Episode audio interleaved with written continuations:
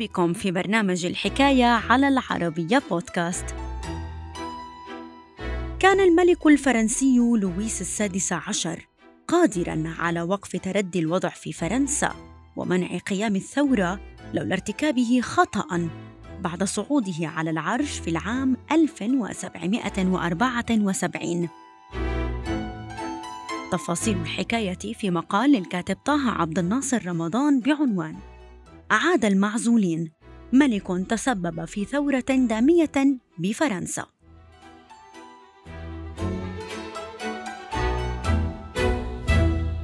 الحكاية.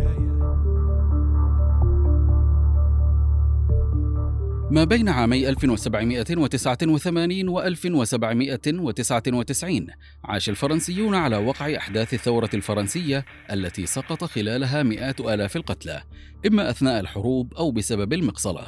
فإضافة لحربها ضد النمساويين والبروسيين والبريطانيين عاشت فرنسا ما بين عامي 1793 و 1796 على وقع حرب الفوندي. التي قتل خلالها ما يزيد عن 150 ألف شخص. فضلا عن ذلك عانت البلاد من ويلات عهد الإرهاب وتسلط لجنة السلامة العامة بقيادة ماكسيميليان روبسبيير والمحكمة الثورية التي أرسلت عشرات الآلاف من المواطنين الفرنسيين نحو المقصلة بساحة الثورة بباريس. وفي خضم الثورة امتدت شفرة المقصلة لتطال الملك لويس السادس عشر وزوجته ماري أنطوانيت قبل أن يلحق بهما عدد من كبار قادة الثورة الفرنسية من أمثال جورج دانتون وكامي دي مولان وماكسيميليان روبسبيير. إلى ذلك كان الملك الفرنسي لويس السادس عشر قادرا على وقف تردي الوضع بفرنسا ومنع قيام الثورة لولا ارتكابه لخطأ حال صعوده على العرش عام 1774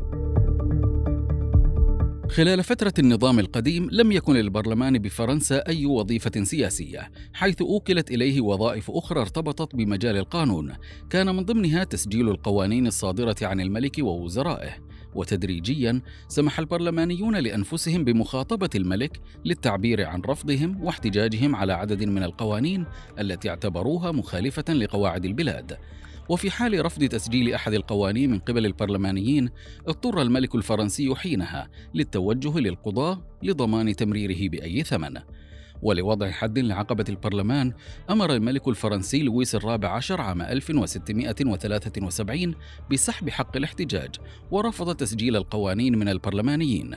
ومع وفاة لويس الرابع عشر عام 1715 وافق الوصي على العرش فيليب الثاني دوق أورليان على إعادة حق الاحتجاج للبرلمانيين أملا في كسب دعمهم. بداية من العام 1760 واجه الملك الفرنسي لويس الخامس عشر مشاكل عديدة مع البرلمانيين والقضاة المنحدرين من منطقة رين.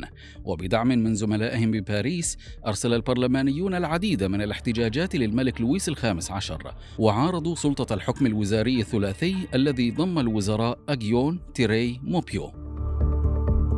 بدعم من وزيره موبيو اتجه لويس الخامس عشر لوضع حد للبرلمان. وخلال شهر يناير من عام 1771 اعتقل ونفي جميع البرلمانيين عقب إعفائهم من مهامهم. لاحقا شكل لويس الخامس عشر برلمانا جديدا تميز بتأييده للملك ووزرائه واتجه لمواجهة الاحتجاجات التي نظمت ضده. مع رحيل لويس الخامس عشر عام 1774 ورثه حفيده لويس السادس عشر البالغ من العمر حينها عشرين عاما وأعاد البرلمانيين المنفيين لمهامهم وعزل عددا من وزراء جده أملا في كسب مزيد من الشعبية بين الفرنسيين. وإيمانا منه بقيامه بخطوة جيدة ارتكب لويس السادس عشر منذ بداية حكمه أول الأخطاء التي سرعان ما قادت البلاد نحو الثورة. فخلال السنوات التالية عارض البرلمانيون وأعاقوا العديد من قرارات وإصلاحات لويس السادس عشر التي كانت قادرة على تحسين ظروف حياة الفرنسيين.